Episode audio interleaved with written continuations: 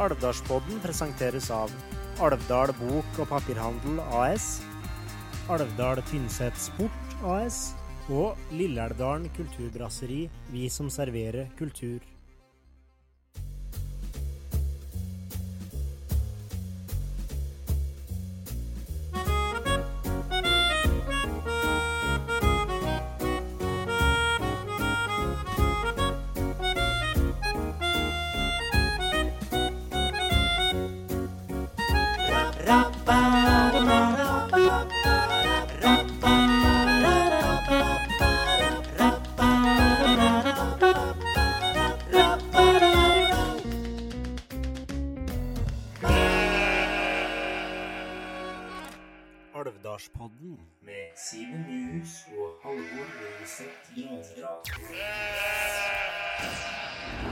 Ja, da er vi på Trond igjen, da, vet du. Eller vi, det vil si det er meg og så en gjest som du snart skal få høre hvem er. Simen har litt andre ting å pusle med i eh, disse sensommertider, så eh, han kommer sterkere tilbake i slutten av august. Eh, Vi har jo sagt at vi skal ha Hedvig Poppe som gjest i august, og det skal vi fortsatt ha, men det blir slutten til måneden. Så har jo og Simen pratet på at vi vil ha episoder litt oftere òg, så her kommer den litt eh, Ja, kanskje en litt kortere episode nå i i starten av august her, og så kommer den eh, lenger igjen med Hedvig i slutten av måneden. Og det blir vel en litt mer sånn intervjuepisode dette, da. Eh, ikke noe plakattavle eller ikke noe spalter. Det er bare en trivelig prat med meg og gjesten som du nå skal få høre hvem er. Så god fornøyelse. Alvdalspodden. Ja, da er jeg med en Martin Folstad på en eh, liten biltur her nå. Nå driver vi og velter oss ned fra Høstdalen. Og en Martin han er jo eh, ja, Han er både spellemann og litt forskjellig, men eh, som til å virke så er han eh, veterinær, da, Martin. Og nå har vi nå vært inne på Sæter inne på Høstdalen, og hva er det vi har gjort der for noe? Eh, nei, nå har vi akkurat eh, til oss og inseminert ei ku innpå der. Så da får vi krysse fingrene for at det kommer til en kalv, da, forhåpentligvis. Hvis vi har truffet på riktig, riktig tidspunkt. Og det, det kjentes sånn ut, altså. Så da blir det spennende å se. Eh, Inseminering, ja, kan du fortelle litt hva det er for noe? Um, inseminering, det er jo ei um, befruktning som foregår uten okse, så der vi har med oss en eh, dunk med nitrogen, og så er det nedfrosset da sæd da, fra ulike okser, som eh, tar også putte inn i et lite rør, som vi da videre putter inn i kua, skulle jeg si, og da, så det er som ei lita sædsprøyte, kan du vel i grunnen si, ja. Ja. Ja. En prøverørskalv blir det der, da. Ja, det blir vel eh, omtrent det. Du kan, du kan sammenligne det med det. Ja. Eh, Nå skal vi jo videre på et nytt oppdrag. Hva går det oppdraget ut på? Eh, nå skal vi eh, inn i Englendalen.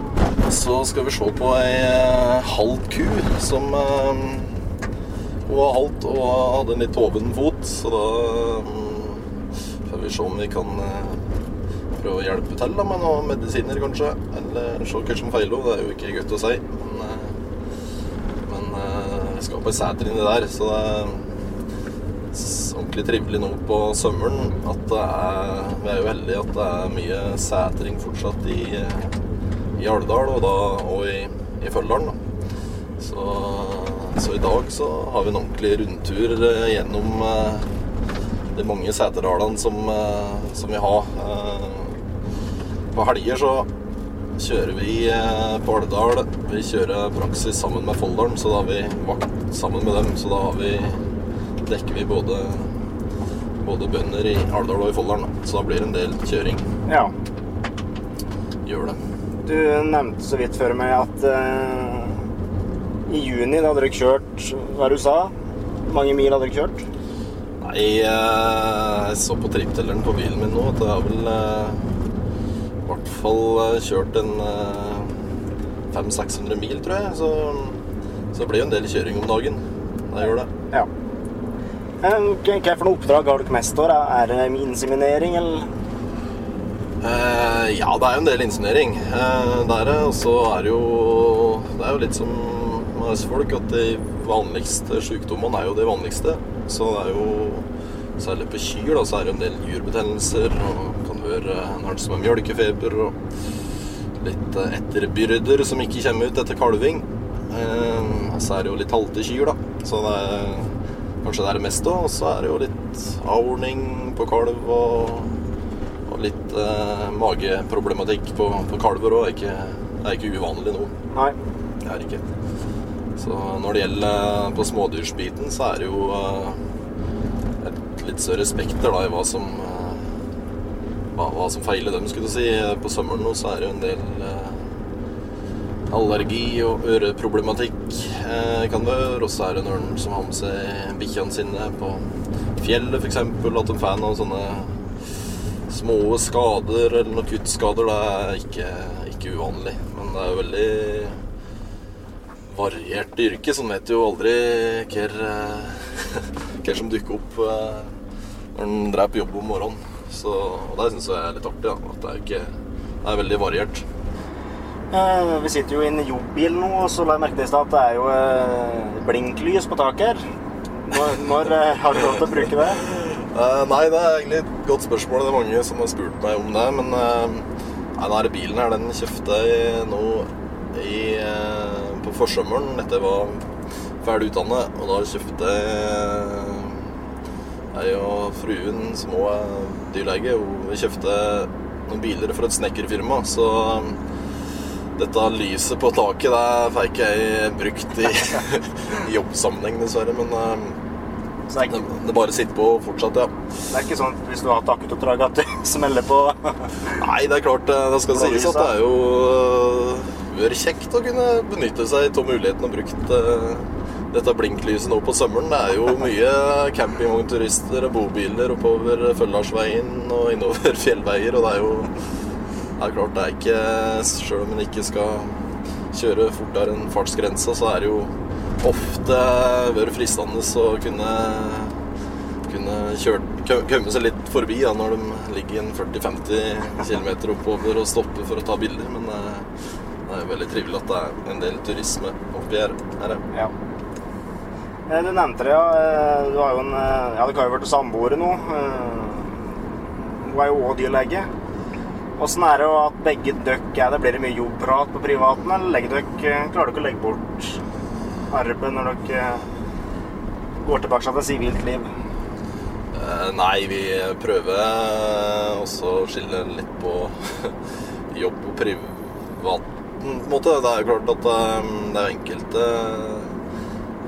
enkelte pasienter som det er interessant å diskutere eh, om eftan, men, eh, men det blir liksom nok, eh, nok eh, fokus på dyrlegevirksomheten gjennom dagen. Så når det kommer igjen om kvelden, så kan det være greit å, å finne på andre ting, da. Så vi, eh, det er jo nok å finne på når man bor på Årdal. Her, ja. Det er dårlig gjort å prate om pasientene, da, for dere har jo taushetsplikt.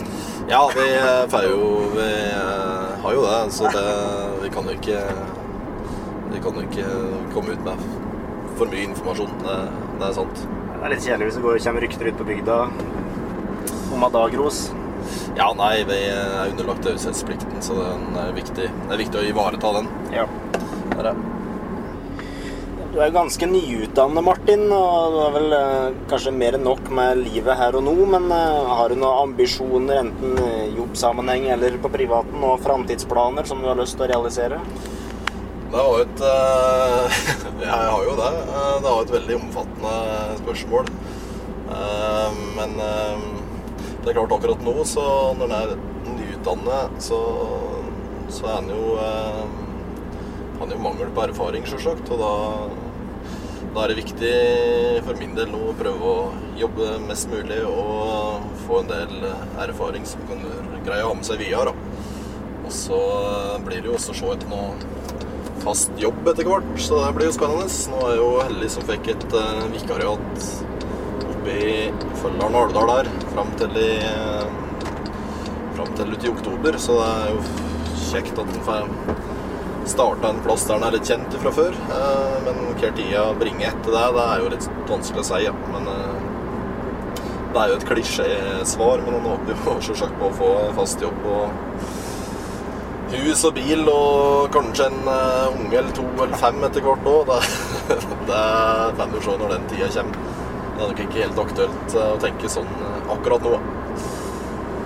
Nå tenker jeg Odd Eivind og Jorunn sitter hjemme er litt skuffet over det svaret, kanskje. Men Ja, de fikk jo et barnebarn her nå i vår. Det er jo en Den hadde jo fire født, som lurer nok på hva som gikk galt der. Det var nok et Det var litt hårete òg. Kanskje et prøverør som gikk litt feil. Jeg vet ikke.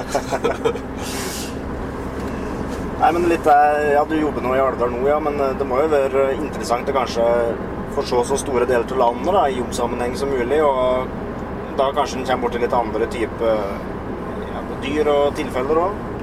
Ja da. Det er jo øh, når, en har, når en jobber som dyrlege, så har en jo øh, muligheten til å jobbe med et veldig bredt spekter av faget. Eh, så hvis det dukker opp noen muligheter eh, med noe spennende arbeid en annen plass til Norge, så hadde det jo vært artig å kunne prøvd, prøvd ut der litt. Men litt lengre sikt så er jo målet å flytte hjem til, til Alvdal eller Nord-Østerdalen.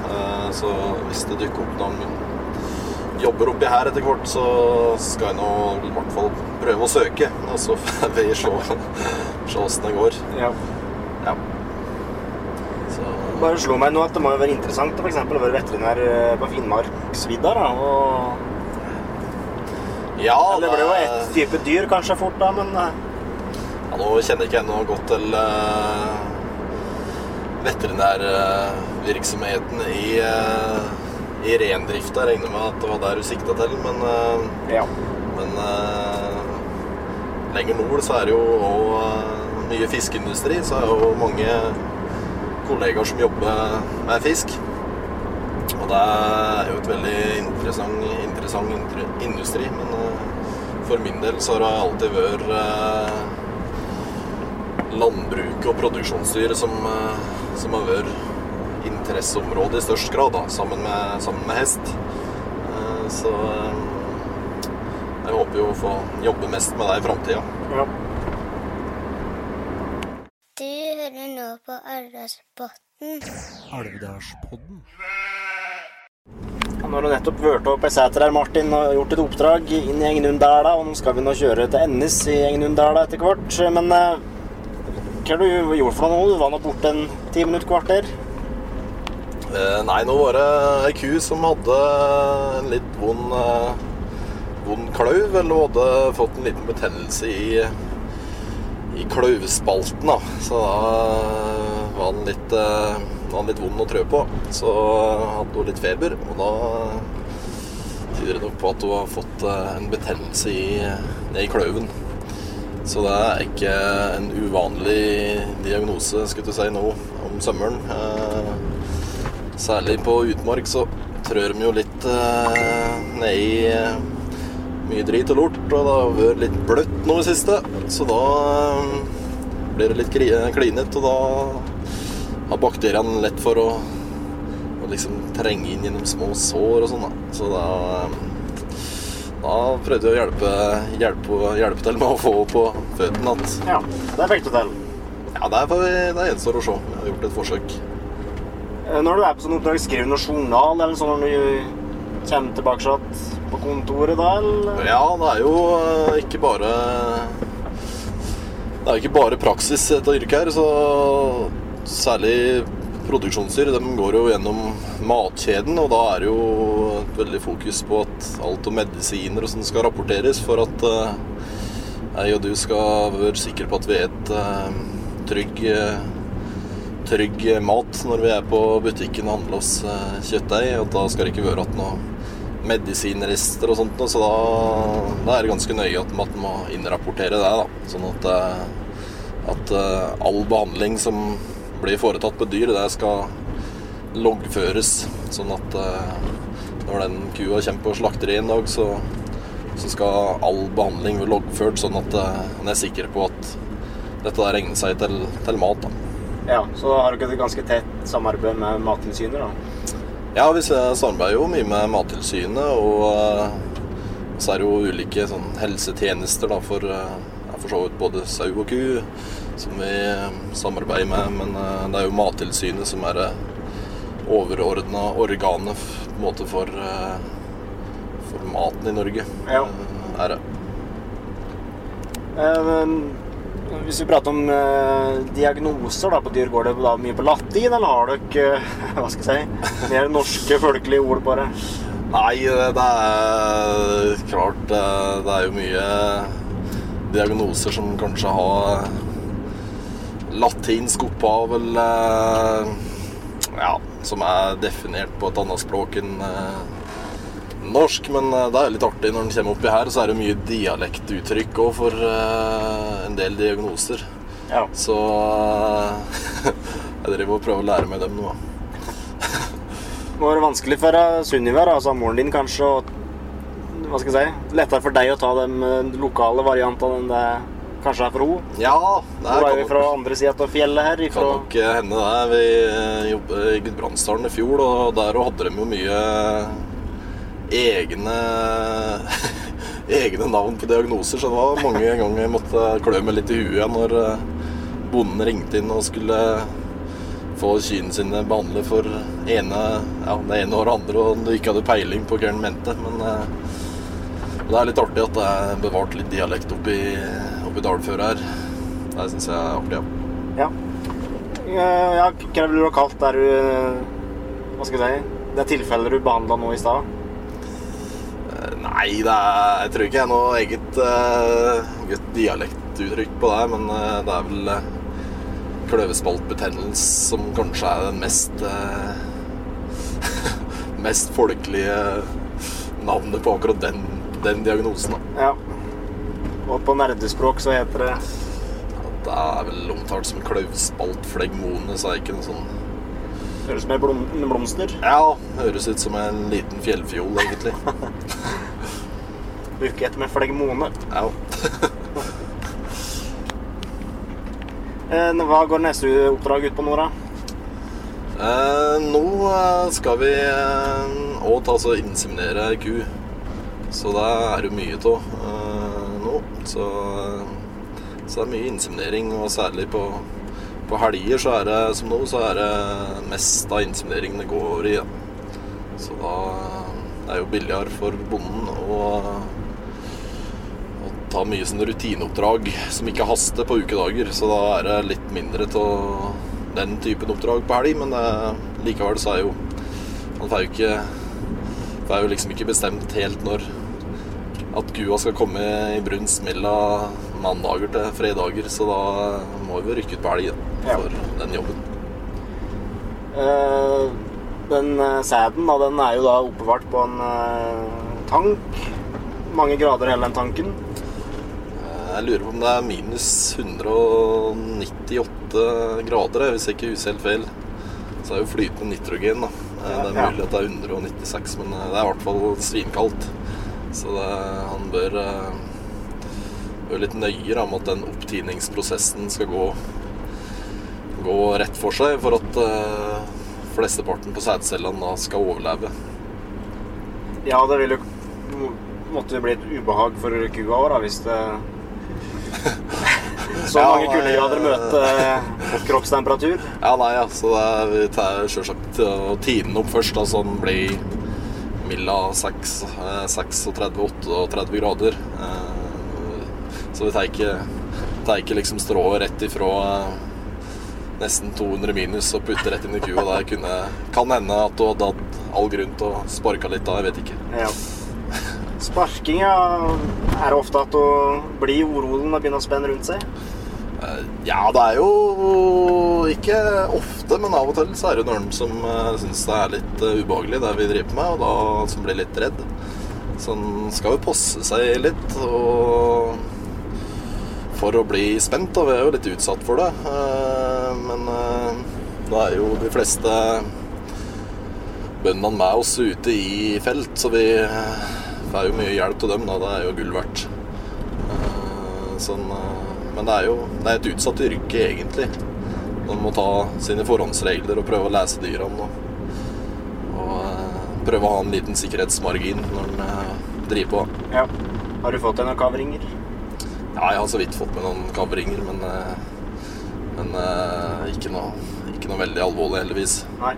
Så det har gått bra. Sikkert, sikkert fortjent. Helt sikkert fortjent. Det, det kan, nok, kan nok godt det.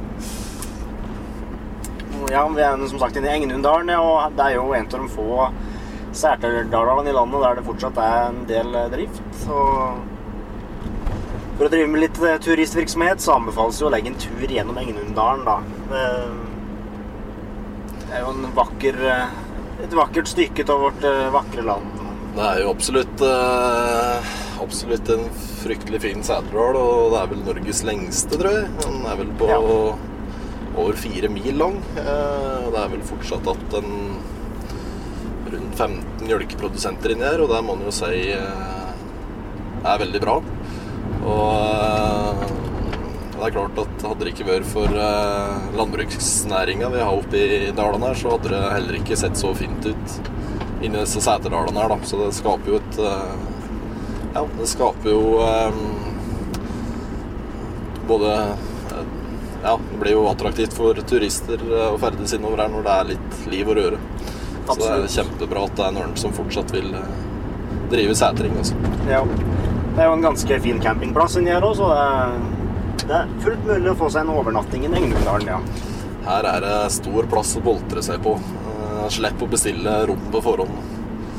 Men det er vel litt eh, restriksjoner inn Det er vel noen fuglereservat og sånn, er det ikke det? Jo, nei, nå kjører vi ned fra på, fra på Dalsætra og ned mot Meløya. Og til venstre for oss her nå så har vi jo Meløyfloa, og her er jo et eh, reservat. da. Eh, jeg tror det er en fugl som heter for myrhauk, som er fryktelig spesiell, og den, eh, den har tilholdsstelle uti her. Ja. Sammen med mange andre spesielle fuglearter, så det er så har vi hatt litt bedre tid i dag, Halvor, så skal vi ta med oss kikkerten og kaffekoppen og satt oss på en sten for å sette om vi hadde funnet noen tørm. Absolutt. Eh, Så vidt jeg vet, så tror jeg faktisk Engendalen var en av de første krokene i ja, da litt forfrosne landet som ble bosatt eh, allerede i stenalderen. For det var veldig mye god, mye god fangst der, og bra med fiske, og mye bær, og tingen kunne sanke. Så det er jo litt spennende. Mm. Ja, absolutt. Det er jo litt spesielt å tenke på at det var fast bosetting her. Da hadde de jo ikke verken eh, telefon eller snøscooter eller brøytebil eller noen ting. Så det er ganske imponerende. Vi har, det- vi har det lettvint i dag også. Ja, veldig. Åssen eh, Ja, det kan jo være litt interessant. Hva- Åssen var dyrlegeyrket for som si, 50 år tilbake, da? Måtte det ha vært ganske mye mer tungvint enn det er nå? Det var nok eh, ganske strevsomt. Eh, kunne vært. Jeg pratet med en eh, som eh, var veterinær i Kvam i Gudbrandsdalen. En eh, som eh, heter for Helge Stormorken. Han begynte praksisen rett etter krigen. Og da var det jo fryktelig lite penger blant folk. Og så når han var ferdig utdannet og flytta hjem igjen, så var det jo mye kjøring innover Sætrand og sånn som nå, så han tok og Han fortalte at han sykler mye innover. Men han fikk ikke Gikk ikke mer enn et par år før han måtte gi seg som veterinær. For at han eh, ikke noe betalingsvilje eller noe penger i, i omløp, så han fikk rett og slett ikke nok inntjening til at han kunne fortsette. Så da Ja. fortalte han at da måtte han innover til Oslo og så utdanne seg på nytt, så da ble han lege, da. Så det er det han har jobbet som. Men eh, det har nok vært eh, ganske tøft å være eh, dyrlege i eh, Ja, særlig fra etterkrigsårene og, og framover, når det var lite, lite penger blant folk. da. Ja. Men ser dere noen sykdommer som kanskje har hva skal jeg si, kommet til pga. at eh, kanskje fôret har vært annerledes utviklet seg, og at, eh, ja, at, at hva skal jeg tek, den, eh, teknologien på fôr og uh, prosedyrer rundt det har forandret seg? At det kanskje da dukka opp noen nye sykdommer som ikke fantes for 50 år siden? Uh, ja, er litt uh, Eller det er vel kanskje omvendt? at det har vært Ja, borte? det er nok mer omvendt, ja. Det har nok uh, blitt jevnt over mindre sykdom blant, eh, blant eh, produksjonsdyrene vi har oppi her. Så det er klart at eh, det er kjempefint at, eh, at det har gått i den retninga. Eh, vi er jo ganske privilegert i, i Norge som, eh, som kan føle maten ifra ifra opphavet og helt fram på tallerkenen. Og at vi, vi har veldig god dyrehelse her og lite bruk av medisiner sammenlignet med andre land. Så vi Så i hvert fall jeg tenker litt på det når jeg er på butikken og handler mat, at det er viktig å prøve å støtte opp om den norske bonden, og, og da handle norsk mat. Ja, og det er jo egentlig kjempebra at det har kommet så mye økologiske alternativ òg, for det betyr jo at da har en jo veldig mye bra produkter som er gjennomført og ikke er noe, ikke noe tull, liksom. her. Nei, det er klart at uh, det blir renere jo, jo mindre som blir tilsatt i, i maten, jo, jo renere er jo produktene. Ja. Så det Så vi har hatt en veldig positiv trend i Norge. Det brukes fryktelig lite, spesielt antibiotika, og vi har jo sett det fra flere land i, i utlandet og ellers i Europa at de sliter veldig med sånne antibiotikaresistente bakterier da, som kan gå på folk, eh, og som kan gjøre at vi blir sjuke. Så, så sånn sett så er vi privilegert at vi har en såpass eh, sykdomsfri eh, produksjon. Men tror du det skyldes mye klima og at For vi er ganske takknemlige her som har det såpass kald, kan du si, i forhold til ja, si Spania og Portugal og sånn. Der er det mye varmere og mye, mye tetta luftfuktighet. Ja, det er absolutt eh, mye av uh, sykdommene er jo veldig relatert til klima, særlig smitte. Eh, så det er jo litt spennende å se åssen utviklinga blir nå framover. Det blir jo stadig litt varmere, og eh, vi ser jo tilfeller av nye, nye sykdommer i, i Norge som vi ikke har hatt før pga. klima. Ja. Eh, ja, for å nevne f.eks. skogflåtten, så dreier jo den med seg eh, smitte. Og vi har jo ikke hatt noe særlig flått oppi her før, men nå ser vi at den kommer sakte, men sikkert oppover. Så det er, så er det mye insekter og sånt og andre fuglearter som vi ikke har hatt før, som kommer oppover. Og da kan det være en potensiell kilde for ny smitte. Vi er jo nå i brytninga mellom juli og august, Martin, og det går mot uh, striskjorta havrelefsat for mange. Skolene begynner på igjen, barnehagene begynner på igjen, og mange har sikkert avvikla ferien sin. Eh, har du gjort noe spennende i sommerlura? Eh, nei, jeg har ikke hatt noe veldig mye ferie for så vidt. Men eh, jeg har jo kost meg veldig mye på jobb. Jo fint å kunne kjøre litt eh, rundt eh, sånn som på dager som dette. Nå har vi ikke vært bortskjemt med noe særlig fin, fint vær i, i juli i hvert fall. Men eh, jeg har prøvd å få vært i veien på noen fjellturer og fiske litt. Og så plukke litt mørkt. Det har gjort Nei, så ellers det har ikke blitt noe de store utfluktene, men man trenger ikke å reise så langt for, å få, for å få ferie, egentlig. Det er jo mye fine turmål og feriemål eh, i, i regionen vår også, så en trenger ikke å, å reise så all verdens langt for å få slappe av litt.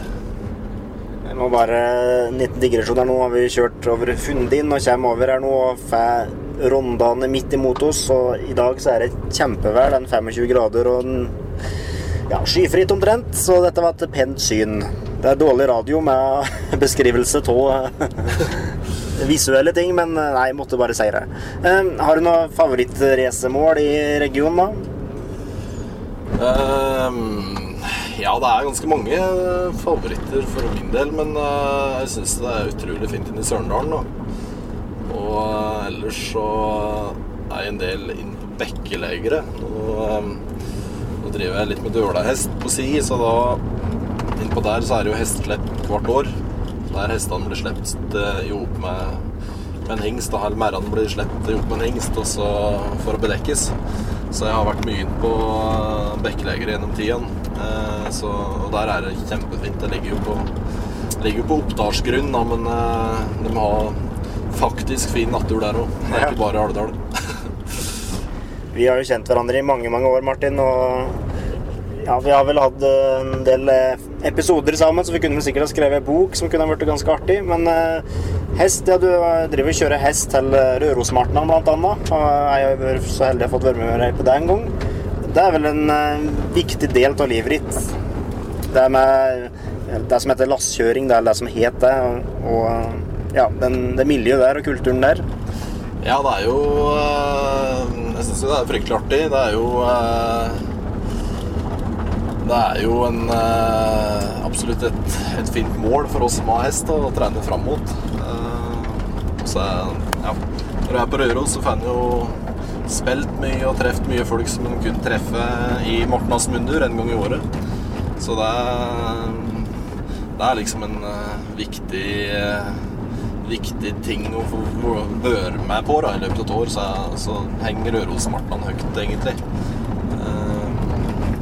Det ser ut som det fortsatt er interesse for blant dem som har hest, å fortsatt kjøre til Røros. Så det er jo et eh, veldig veldig viktig bidrag for ivaretagelsen av en eldgammel kultur, egentlig. Så det var jo eh, Ja, jeg vil jo si at det er en del av vårt DNA. For at eh, når det var gruvedrift på Plassa og på Kvikne og Røstvangen og der, så Det var jo liksom Ja, kultur, musikk og eh, den harde arbeidsdagen da, med kølkjøring og malmkjøring og sånn som var Det var det som var hverdagen i virkeligheten, og det er jo veldig viktig å liksom holde det i hevd, syns jeg. Ja, absolutt. Eh, for oss som driver med, med musikk, og særlig mye folkemusikk, så, så er det jo sånn musikken har bredt seg mye. eh, gjennom handel og lastkjøring. På tvers av dalstrøk og for så vidt også landegrenser. Vi har jo mye gammel tradisjonsmusikk på Alvdal som har Som ja, kan tenkes ha egentlig sitt opphav i en annen region, eller, et, eller i Sverige, et annet land til og med. Ja. Men som har fått uh, sin egen form her. Så det ble jo litt som folkeeventyr at det har jo vandra rundt og blitt tillagt enkelte ting underveis, og så har vi liksom fått vår egen identitet på det til slutt, da. Så jeg syns det er viktig å ta vare på den eh, gamle kulturen. Eh, fant at tid tilbake så fant jeg at en vals som ja, han er gjort kjent på Røros, men eh, så fant jeg den i eh, en vals som var fryktelig lik i Østerrike. Og det, ja, det betyr jo det at det har vandra over landegrenser og sånn, over- sikkert over lang, lang tid, mange hundre år kanskje òg. Så det er jo litt interessant åssen kultur forflytter seg. Ja, absolutt. Uh, Sunniva, samboeren min som kommer fra Fron i Gudbrandsdalen, hun spiller jo en del fele. Og eh, det skal jo sies at på, på 1800-tallet så var det jo eh, mye, mye hestekjøring over fjellet. Gudbrandsdølen hadde med seg spesielt kønn. Da. Eh, og eller popkønn? det var utelukkende popkønn, ja. Ja. Nei, og så der er det mye musikk som er, ligner veldig på, på den Mea, bare at det er i en annen form. Ja. ja. Nå bor jo hjemme på Glåmstad, Martin, i den gamle tømmerstua der. Eh, Hva er det som er grunnen til at du har lyst til å flytte hjem igjen? For det er jo ikke ren patriotisme, vil jeg tro. Det er vel noen egenskaper ved Alvdal som er ganske forlokkende over. Ja, det er jo det. Er jo det. Eh, det er klart at eh, Nå har jeg alltid vært eh, glad i i Alvdalsbygda de mulighetene som, som er oppi her. Og etter spesielt å ha bodd noen år i, i Oslo, så jeg har bodd der i nesten sju år i Opat. Så har han jo fått sett på på en måte hver åssen det urbane livet er, åssen det fortoner seg. Og, og det er jo eh, Jeg syns det var veldig artig å skulle flytte ifra Alvdal for eh, sju år siden. At det skulle liksom bli godt da, for å få et litt innblikk i åssen et mye større samfunn eh, er å være en del av. Men, Men de senere årene så har jeg jo sett absolutt fordelene med, med ei lita bygd. Det er jo ei lita bygd både på godt og vondt, kan jeg jo si. Men, eh, men samtidig så har vi jo en enorm frihet i, oppi her. Vi har jo eh, Vi kjenner hverandre, og alle kjenner alle, og det er jo veldig, veldig trygt. eh, Og fint, hvis en kan Så lenge alle kan være noenlunde Venner. venner, da, så er jo det kjempefint. Og i tillegg så, så er det jo enormt potensial for jakt og fiske da, og friluftsliv, som jeg er veldig interessert i. Mm. Eh, Så er det jo eh, Ja. Det er ordentlig eh, årsvariasjoner her, og det er snø om vinteren og sol om sommeren, og det er ikke I Oslo så var det liksom saltslaps fra oktober til uti mars, og så var det var det, var liksom ikke noen muligheter for å kunne utøve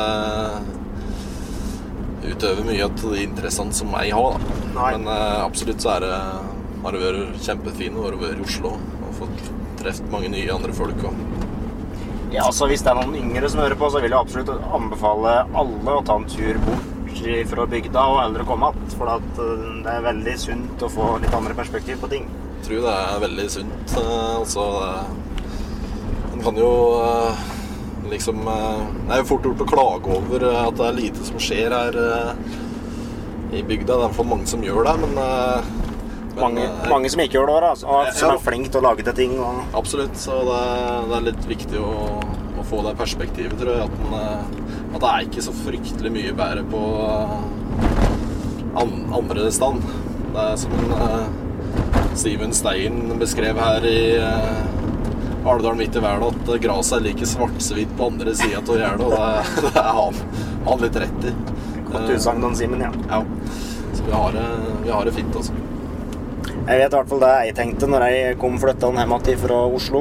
Eh, Vi bodde der samtidig, jeg og du. Men da tenkte jeg at eh, jeg satte så mye mer pris på de små tinga eh, ved Alvdal som jeg aldri hadde liksom lagt merke til før. Om det så liksom sto en ja, om det sto en eh, parkbenk da i stasjonshaven, så syns jeg liksom det var sånn Ja. Ja, sånne små detaljer som jeg syns var veldig fin. Og sjølsagt en setter mye mer pris på naturen da når en har bodd i en asfaltjungel som Oslo da ofte er. Men um, vi har jo mye fin utmark i Oslo, for all del. Så er det litt med det når en eh, kommer i eh, en fase av livet der eh, ja, der vi for så vidt begge, begge er i nå, Alvor, at uh, etter hvert når man kanskje skal tenke på fast buesetting og familie og sånt, så er det jo fryktelig fine oppvekstvilkår eh, i Alvdal. Og er veldig takknemlig for å ha fått vokse opp på en plass som dette, for den har fått eh, enormt mange flere muligheter her enn det tør jeg faktisk å påstå enn den ville fått hadde den Hadde den vokst opp i fjerde etasje i en bygård på, på Grünerløkka. Eh, vi eh, Vi har liksom overlatt oss sjøl mye når vi var små og fikk lov til å utforske verden litt på egen hånd og lært hva som var rett og galt. Og, og samtidig så ble det jo absolutt helt i ørene når det måtte til. Men, eh, men det er en enorm frihet ved å bo, bo ute i distriktet, altså. Ja, det. Og jeg håper jo det blir en trend i Alvdal, slik som eh, Jeg drevet eller kjenner jo, blitt kjent med en del folk ute i blant annet, for at det ble spilt en del ganger. Og der eh, flytter jo ungdommen hjem igjen. Og enten så får de seg arbeid, eller så starter de opp egne bedrifter eller arbeidsplasser. Og det syns jeg er et kjempegodt eksempel på at det er mulig å få til ting i mindre, i mindre steder òg. Ja, absolutt. Eh, og det syns jeg jo eh, er litt likt med Ja, det er jo litt sånn på Alvdal òg. Det er mange Ja, det blir mye mer og mer, ja. Ja, og jeg syns det er flere og flere som vil flytte hjem igjen til folk i vår generasjon. Og det er jo absolutt eh, Gjør det jo mer interessant å flytte hjem igjen sjøl òg. Mye engasjerte folk som får til ting, og, og det, det er kjempe, kjempebra. At det er litt engasjement, og det skal være engasjement både på godt og vondt. Og det er jo eh, Han ser jo at det er jo må, mye småting som opptar folk, og det, det er kjempebra. Eh, Sjøl om vi skal ikke glemme det store bildet. Vi kan, eh, det er mye som kan eh, forbedres, og det vil det alltid være, men eh, totalt sett så har vi det veldig bra. Og det er godt kultur- og idrettstilbud der, f.eks. Og, eh, det er mye som skjer, altså. Så det er, folk skal ikke klage på at det er for lite som skjer. Eh, Og hvis det er for lite som skjer, så må man eh, involvere seg og prøve å ta tak i det. Men det er absolutt muligheter for. Det er det. Jeg vet i hvert fall når jeg flytta meg sjøl, så tenkte jeg kanskje nei, nå Jeg studerte jo musikk i Oslo, og tenkte jeg at nei, når jeg flytter meg nå, så blir jeg jo sikkert klarer ikke å leve til det, og det, jeg gjør ikke det 100 nå, men jeg har et mye større og tettere nettverk oppe i distriktet her enn det jeg hadde i Oslo. Eh, I Oslo er det sikkert mye større muligheter for å få seg jobber og mye mer folk å bli kjent med, men eh, Nei, han er liksom jevnt og trutt med, med oppdrag her òg, som gjør at han har en ganske bra biinntekt attåt. Ja. Nei, og det er jo eh, bra at det er sånne som deg, Halvor, som eh, Som finne på ting og arrangere ting og skape ting som en har lyst på. Ja, og du har jo mye involvert i kulturbransjen, senest med, med spill om en Arvid Nilsen. Og det, er- nå forstår jeg at du hadde noen nye planer, uten at vi skal røpe det, men uh... Nå leker du meg godt opp etter ryggen her, Martin. Jeg spanderer ikke middag bare på Grimsby etterpå for deg, altså. Jeg hadde egentlig lyst på en liten burgertallerken på Grimsby etterpå, men, uh, men nei, ja, det er viktig at det er noen yngre kluter som uh, får til ting, og som tør å satse. Ja da. Det er vi helt avhengig av. Er vi? Nå har vi kommet til Dalhorn, faktisk. Nå skal vi bortover mot Borchhus. Ja, nå skal vi inn i Kvidalen en tur. Så det er en ny eh, setergrend som vi skal besøke. Og eh, da prøve oss å eh, ja, eh, få til en ny kalv, da, så vi skal på et nytt inseminasjonsoppdrag. Så vi driver jo litt sånn på grensen til hallikvirksomhet her er jo du nå Oliver, når vi kjører rundt og leverer befruktningstjenester. Men det er jo, som tidligere nevnt, en stor del av av hverdagen over være dyrlege oppi her. Ja, Så ligger det jo en del sprøyter rundt omkring, så skulle vi tro det var Blå Kors som eh, Ja, var ute på oppdrag her, men ja, nei det, er, det er altså ikke det. nei. Langt derifra. Langt derifra. Så, eh, så det er jo eh, kjempe, kjempefint på sånne dager som nå at en kan ha med seg Nei, ikke hver dag en har med seg folk fra Alvdalspodden i bilen. Så det setter en ordentlig pris på at en har med seg litt selskap. Og det blir jo noe mild i bilen. Ja, bare ringe, folkens, så får dere selskap. Nevnte jo det litt før her, Martin, at vi har jo fått opplevd en del eh, artige ting sammen. Så jeg tenkte å spørre om du har noen artige historier eller minner som du kommer i. Eh, ja uh, Hvor skal en starte? Nei, vi har jo eh, Ja, det som vært litt artig med, med denne musikken, at det har vært en eh, ja, en bigeskjeft og en hobby som har medført mye fryktelig morsomme historier i etterkant å tenke på og se tilbake på. I hvert fall for vår del. Ja, og alt tåler ikke dagens lys. Og den groveste historien tar vi spart til en podkast med litt høyere aldersgrense, tror jeg. Ja, jeg tror det. Men eh, nei, vi eh, debuterte jo tidlig i kappleksammenheng, kan en si. Ja. Eh, Vi var jo, eh, så ikke når en misforstår det, skal du si. Men eh, vi var jo med tidlig, med, særlig med Spellemannslaget. Var til Trysil. Det var vel egentlig første kappleken vi var på. Og for dem som ikke vet hva kapplek er for noe, så er det en slags konkurranse for ja, spellemannslag og enkeltutøvere da, som spiller folkemusikk. Det er litt Norway Cup, bare at det er folkemusikk. Ja, foruten sammenligning så er det litt som Norway Cup. Eh, men eh, nei, så vi fikk jo lov til å bli med spellemannslaget ganske tidlig, og det var jo kjempeartig. Eh, Det var nok det som var grunnen til at jeg fortsatte å spille fele. At jeg fikk lov til å bli med når Jeg ble med i litt større grupper da, som hadde litt samme interesse, og som jeg, der det var mange gode utøvere som en eh, kunne ha som forbilder, og som en kunne øve sammen med. Så det betydde jo fryktelig mye. Så vi, vi var Ja, det var ordentlig stort da, altså når vi fikk eh, lov til å bli med rundt med Spellemannslaget og eh, ja, og vært oppe til lenger enn tolv om natta, for å si det sånn. Det var vel hendte det seg at det ble moro nå, tror jeg. og. Ja. Du var jo ikke så gammel du da. Du er jo litt yngre enn meg, så Eller vi var var ganske ung begge to når vi begynte å varte med.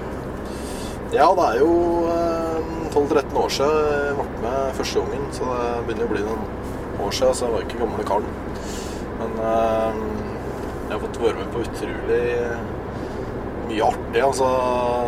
Det er det som er litt eh, synd, egentlig, for dem som hører på, at det er jo av de historiene som en huser best, det er jo type historier som en kanskje ikke egner seg noe fryktelig godt å fortelle i en podkast, men eh, hvis en ørn som eh, absolutt ville høre disse historiene, så tror jeg vi får ta et privat lag der de får hørt alle detaljer. Men eh, det har vært eh, fryktelig mye moro på disse årene. Jeg kom på en litt artig og ganske uskyldig historie. Det var noe fra Det var kapplek på Trysil, ja. Og så lå vi nede på hotell der, og så hadde jeg vel spilt og skulle samles der etterpå. Så var han Jon Arne Husa med der. Ja. Og han er nå ganske lang. Han er mye lenger enn meg, kan en si. Og så lå det noen kontrabass inn på rommet der. Sånn, Jon Arne tok opp den og skulle spille, og han var jo mye lenger enn kontrabassen. Og kontrabass er et ganske langt og stort instrument. Der kontrabassen så ut som en cello. eh, Nei, så ut som en, så ut som en fele, nesten, i forhold. Ja, nei, det var artig. Så det var et artig syn- syn. Så begynte vi nå skal vi, Om det var revkrok eller hva vi begynte med. Vi skulle stupe kråke tvers over til rommet, og der jeg og du brukte kanskje ti rull, så brukte han to. Ja, det er Spellemannslaget i Paledal det er for øvrig, for øvrig et lag eh, for alle, både høy og kort og og smal og bred, skulle jeg si. Så eh, det er jo eh, særlig artig nå, for nå har det blitt med, blitt med en del nye folk. Og eh, folkemusikken er jo en utdøende musikksjanger hvis det, hvis det ikke folk Altså hvis det ikke blir noe rekruttering. Ja. Så jeg har jo slitt litt med det her Paledal i flere år. Så jeg oppfordrer alle som har lyst til å enten danse eller spille, eller som har noe forhold til folkemusikk i det hele tatt, du må ta kontakt og så, og så bli med oss. For det, det er kjempetrivelig at det er nye kluter som blir med. Ja, og nå er vi jo inne i en veldig god æra. Så tror jeg det er viktig at eh, sånn som når jeg og du ble med, at den er flere rundt samme alderen. Så at det ikke blir én person, på en måte, for da blir du fort litt utafor, i hvert fall som yngre. da. Ja, absolutt. Så jeg husker jo det når jeg begynte å spille fele i eh, andre klasse på barneskolen. Da syntes jeg det var skikkelig flaut. Da drev jo jeg på ski og drev med fotball og sånn i tillegg. Og, og fele var ikke akkurat sånn fryktelig kult instrument. Og ingen andre enn meg av kompisgjengen som spilte det. Så jeg torde liksom ikke å innrømme det at jeg drev og spilte fele, for det var jo så flaut. Det var jo noe ordentlig jenteinstrument, tenkte jeg. Da. Men, eh, men jeg har blitt litt eldre, så, så har hatt utrolig mye glede til at jeg fortsatte. Så det, det var jo takket være spellemannslaget, ja, særlig, og sånn Olav Kjernmoen, som jeg hadde som lærer og, og mentor. Han eh, er jo en kolossal spellemann og musiker. Ja. ja, og vi kjenner jo veldig Vi har jo blitt kjent med veldig mange innen folkemusikkmiljøet over hele landet, og det er jo veldig mange på vår alder som er med, og det er jo kjempeartig. Så det blir jo en sånn sosial greie, og når en ikke ser hverandre så ofte, så er det veldig trivelig å møtes igjen sånn. da. Det det. Sånn, det er et veldig trivelig og jordnært og folkelig miljø. Så eh, jeg anbefaler egentlig alle å ta seg en tur på en kappelek og bare få oppleve det, for det er veldig, veldig veldig artig. Absolutt. Og det er ikke så sært som det høres ut som. Som, som folk kan tro, nei. Nei. Da har du fått en liten utfordring til meg midt i arbeidshverdagen her, Martin, og det var å finne ei ønskelåt som du skal få spille over bilstereoen her, da, på vår ferd eh, gjennom Folldalen tilbake til Alvdal. Eh, Åssen låt er du landet på da?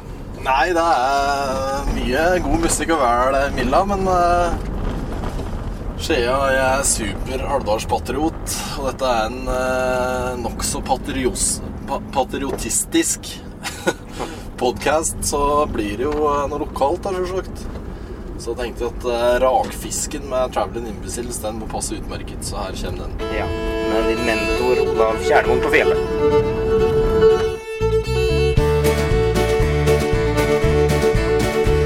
Det var løren som knabber rakfisken min en lørdag nå fjor. Men at den tok med seg rakfisken min, var det siste som dem gjorde.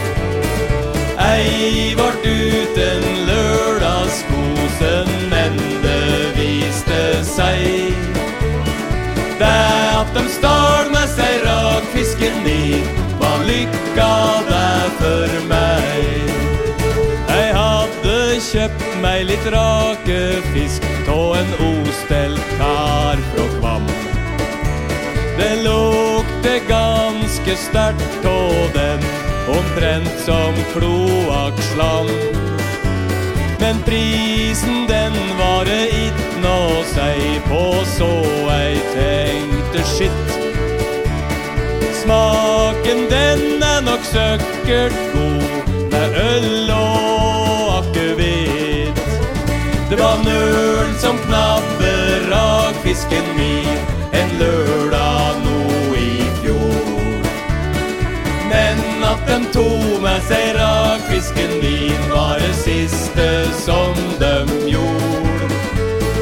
Ei vart uten lørdagskosen, men det viste seg det at de stal med seg rakfisken min, lykka der for meg. Og da jeg kom ned til Ringebu, så gikk jeg på kafé. Og fisken lå att i bilen der, så den var ikke med. Jeg skjønte det da jeg så kom ut, at fisken den var tatt. For ladan åt far min, den sto der, ensom og forlatt. Det var nøl som knabbe rakfisken min, en lørdag nå i fjor. Men at den tok med seg rakfisken min, var det siste som den gjorde. Ei vart uten lørdagskosen, men det viste seg. Det at de stal med seg rakfisken min, var lykka der for meg. Om mandagsmorgon så fikk jeg en støkk da jeg leste i avisa. Det var en artikkel der som gjorde meg både trist og glad. For deg som hadde hendt meg i Ringebu, ville alltid komme i haug. Der hadde det vært et rakfisklag, og fire mann var død. Det var nølen som knabbe rakfisken min en lørdag nå i fjor. Men at den tok med seg rakfisken min, var det siste Ei vart uten lørdagskosen, men det viste seg. Det at de stal seg rakfisken min, var lykka der for meg.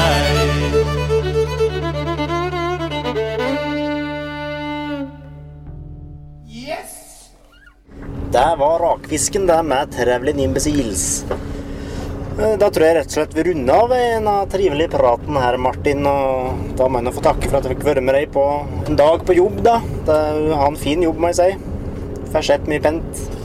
Det er slett utrolig mye pent, og tusen takk for at du hadde lyst til å bli med. Det er alltid trivelig med litt selskap når en eh, fartes allfarvei, sånn som, eh, sånn som jeg driver med om dagen. Altså, jeg, jeg skryter litt og syns det er jækla tøft, eh, dette der konseptet med den podcasten dere driver med nå, for det, det Dere belyser liksom akkurat det som er sånn mellomsjiktet mellom Alvdal midt i verda og, eh, og VG. Dere får tatt med alt ifra grønnsaksnytt til eh, ting i litt større bilder. Og så er det jo artig at dere får prate med mye lokale, lokale folk. Og det er litt artig å få et innblikk i hva folk bedriver dagene med. Ja. Ja, men Da tror jeg vi sier eh, takk for i dag. Nå skal vi stoppe opp i Folldalen og kjøpe oss litt vårruller, faktisk. For du visste om ei dame der som lagde det, som var røtte god. Yes, da blir det vårruller og ikke rakfisk eh, i dag. Så det blir, eh, det blir godt, det. En liten vårrull. Yes. Frigjøringsverket, til Hamar med domkirkeruinene, frem til, til, til Elverum med klesfengselet, til Rena med kartongfabrikken, til Koppang med togbytte og 20 minutters opphold i restaurant, til fingerens danse på den ørvesle fluelorten som heter Alvdal, som ikke har noen ting de vet om, kanskje. Men én ting vet de vi har. Elvdalsbotn med Simen og Halvor.